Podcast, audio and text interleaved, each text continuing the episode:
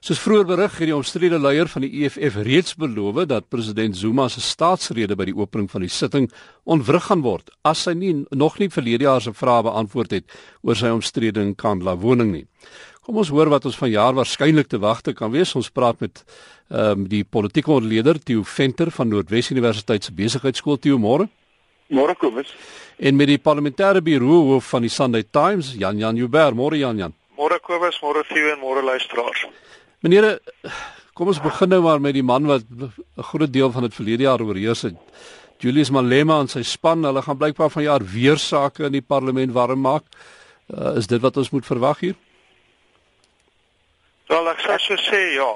Ehm um, kyk gister het die ehm um, het die spreker van die nasionale vergadering Baleka Mbeki gesê dat die versoek wat hulle gerig het vir 'n vroeë sitting met ander woorde voordat die parlement open vir die president om nou uiteindelik die vrae te beantwoord wat hy op 21 Augustus nie kon nie. Ehm um, dat dit afgewys is en die manier waarop sy dit afgewys het het vir my gesê daar's geen kans op vrede tussen die ANC en die EFF nie. Ek dink 'n interessante vraag gaan wees wat die DA gaan doen.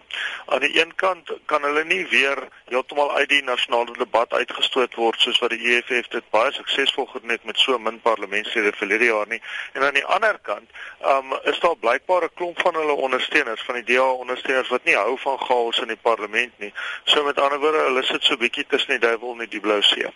Jy Ja, ek um, ek stem met Janjan saam. Dit is 'n dit is 'n dilemma vir die parlement, maar ek dink ons moet 'n bietjie 'n bietjie dieper krap. Ehm um, daar is seker in die wêreld in die in die in die in die demokrasie wat funksioneer raai ek seker so omtrent 150 parlemente. En dit wat verlede jaar in ons parlement gebeur het, kom van tyd tot tyd ook in ander wêrelddele voor. Ek dink byvoorbeeld aan Italië en ek dink aan Taiwan en sulke plekke. Die verskil is dit is uh, dit is ehm um, geïsoleerde gebeure van tyd tot tyd. En en dan vaai dit oor en dan daar is daar 'n krisis en dan gebeur dit nie weer nie. Hier by ons het ons nou verlede jaar begin met 'n proses onder leiding van die EFF wat aan een lopend is. En ek dink dit is 'n Dit is 'n geweldige uitdaging vir die parlement en dan het die parlement is nie geontwerp om om hierdie soort van deurlopende uitdaging vir sy wet en orde as mens dit sou kan uitdruk, ehm um, te hanteer nie want die die parlement is baie stomp wat dit aanbetref uh, ten opsigte van die die sanksionering van individue wat die wat die parlement se werking omverwerk. Hy hy kan jou vir 2 weke skors of wat nie 'n maand skors of so iets, maar jy is demokraties verkies as verteenwoordiger. So die bedoeling is eintlik dat die parlement anders moet funksioneer as dit funksioneer. So ek dink die EFF rig 'n uitdaging aan die parlement waarvoor die parlement nie ontwerp is nie. En ek dink daar lê die knoop en as 'n mens en en ek dink as die as die politieke partye nie met mekaar praat en een of ander soort ooreenkoms kry nie dan staan ons eintlik um, voor 'n baie groot uitdaging vir die werking van die parlement. Wat gaan hier gebeur want uh, toe hierdie goed begin het, toe was daar van die slim ouens wat gesê luister, ehm um, eintlik is dit nie 'n slegte ding nie want dit gaan die ehm uh, ANC dwing om meer na die sentrum te beweeg sodat hy en die DA selfs op die ouene kan hande vat uh, om om teen die EFF te staan. Maar daar's ander wat weer sê uh, dwing die ANC om verder links te beweeg om uh, nie te veel grond af te af te staan aan die EFF nie. Janja Um Kobus, um, ek sou nie een van die slim ouens nie, maar ek uh, sou sê albei daai is steeds moontlikhede. Ek meen wat dit nogal opwindend maak en en ek wil hê ons moet in 'n stadium ook aan beweeg na ander goed van die parlement hmm. toe, maar vir die mate waartoe dit nou jy weet brood en sirkus tipe van ding is. Um eintlik moet 'n mens jou afvra Wat is hier aan die gebeur en hoekom gebeur dit en dan kom mens by wat kan mens nou verwag?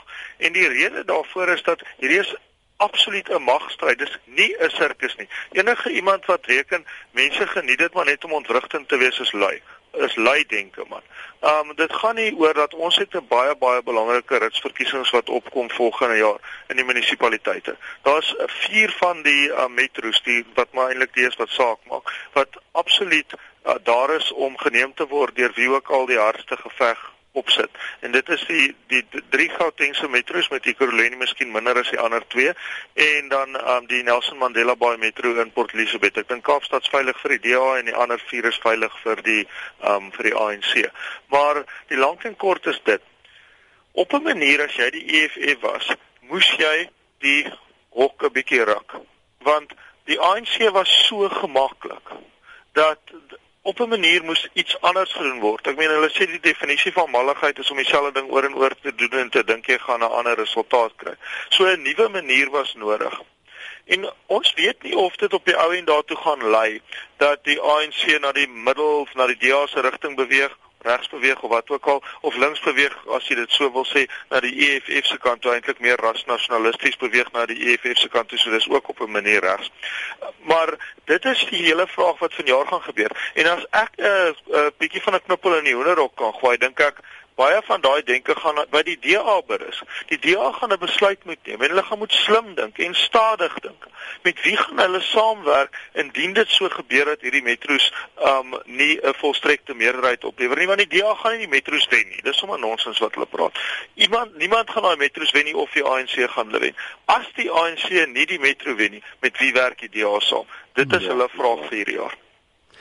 Nou uh, soos jy gesê daar's ander goed wat ook wel reg. So jy jy's reg Jan, Jan, beide die opsies is is ten opsigte van sekere goed vir die ANC beskikbaar en hulle sal ten opsigte van sekere beleidsvraagstukke en dis van die goed wat ons waarskynlik in die parlement sal hoor vroeg in die jaar sal hulle um, nader kan beweeg aan die EFF maar sekere goed ten opsigte van hoe hulle gaan optree gaan hulle verder weg beweeg. So as 'n baie buigsame soort reaksie hier moontlik.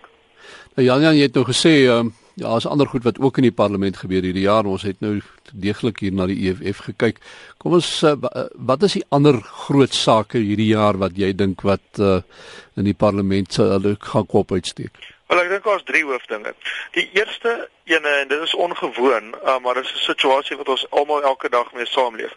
Is of die parlement 'n oplossing kan vind vir die krisis in ons openbare ondernemings waarvan Eskom en in 'n mindere mate die SAL die hoogste profiel het.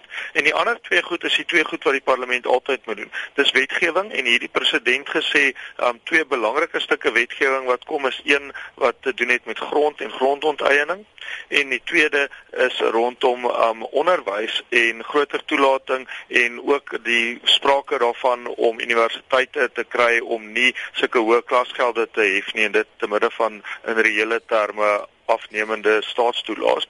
En dan die laaste ding wat ons nou moet kyk en dit is iets waaroor mense nie praat nie omdat dit goed werk en waarvoor die parlement min krediet kry, is natuurlik begrotings.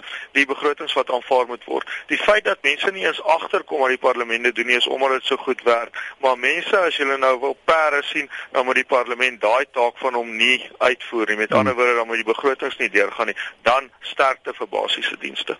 Kyk, ek wil ek wil op twee goed reageer van dit wat Jan Jan gesê. Die een is die die onteieningswetgewing. Ons moet onthou dat dit in 2009 was dit baie sterk in die sterfuur. En toe reageer die besef die ANC dat die jaar daarna 2010 is wêreldbeker en dis die inval van die sokker wêreldbekerspanne en dit is 'n baie slegte jaar om in daardie jaar oor onteiening te praat en dit is so bietjie op op die lange baan geplaas en ek dink al wat hulle nou doen, hulle keer terug na die wetgewing van daardie tyd toe en ek lees nou in die koerante allerlei ouens wat wol wolf skree oor die onteieningswetgewing, maar aan die positiewe kant moet ek mens sê dat ons onteieningswetgewing lê verbrokkel tussen 'n klomp stukke wetgewing. 'n Deel van hierdie onteieningswetgewing, boonbehalwe die feit dat dit negatief mag wees ten opsigte van grond en grondsake is die konsolidering van 'n klomp stukke wetgewing. So dit is nie alles negatief nie. Daar is sekere positiewe punte ook. En die tweede ding is ehm um, tot omtrent uh, eh, 2, 3 weke gelede was dit vir die uh, vir die regering nie baie duidelik hoe hy die begroting gaan laat klop nie. Maar die ongelooflike val van die olieprys wêreldwyd en dit lyk asof dit 'n strukturele val is op hierdie stadium. Met ander woorde, dis nie iets net wat vandag op is en môre af is nie. Dit lyk of dit langer gaan wees. Maak dit skielik vir minister Nene aansienlik lekkerder om die begroting te gaan aanbied as die aannames reg is dat die olieprys vir 'n langer periode as net 'n week of twee gaan val. Ek stem saam met Theo op albei punte daar. En die eerste is wat die olieprys betref net, um, dankie aan die Republikeine in Amerika wat wat boor vir olie, nê. Nee, hulle kry nooit veel krediet in die land nie, maar waar sou ons nou gestaan het? En tweedens, ehm um, wat die onteiening aanbetref, ek dink ook glad nie dis noodwendig 'n negatiewe ding nie. Dis net iets waarop mens bedag moet wees. Uh, dit's belangrik. Ek meen mense sê onteiening dan dink mense dis noodwendig negatief. Dit is nie, daar moet sekerheid wees. Die grootste probleem in 'n land met beleid is beleidsonsekerheid. So ek stem heeltemal saam met jou dat daar moet sekerheid kom sodat mense kan weet hoe om te belê en wat is moontlik, wat is nie moontlik nie. En die verskil wat die president getrek het tussen die ANC en die EFF, daar is baie baie belangrik. Want die EFF eh, so 'n malste beleid is vir onteiening sonder vergoeding en die ANC is absoluut nie. So onthou onteiening kom nie van vandag af nie. Onteiening was altyd daar. Mense wat um, grond gehad het in die trustgebiede voor sê maar die 1960s, die sal weet, die mense wat families het wat daar grond verloor het of enige iemand deur wie se plase 'n uh, uh, openbare pad gebou is. Elke um, regering het die reg en dit staan binne in die grondwet in artikel 25 dat grond kan onteien word. Maar op hierdie stadium is dit nie seker hoe nie. So vanjaar behoort ons as die president vir 'n slag hou by iets wat hy gesê het, um, beleidsekerheid te kry daaroor.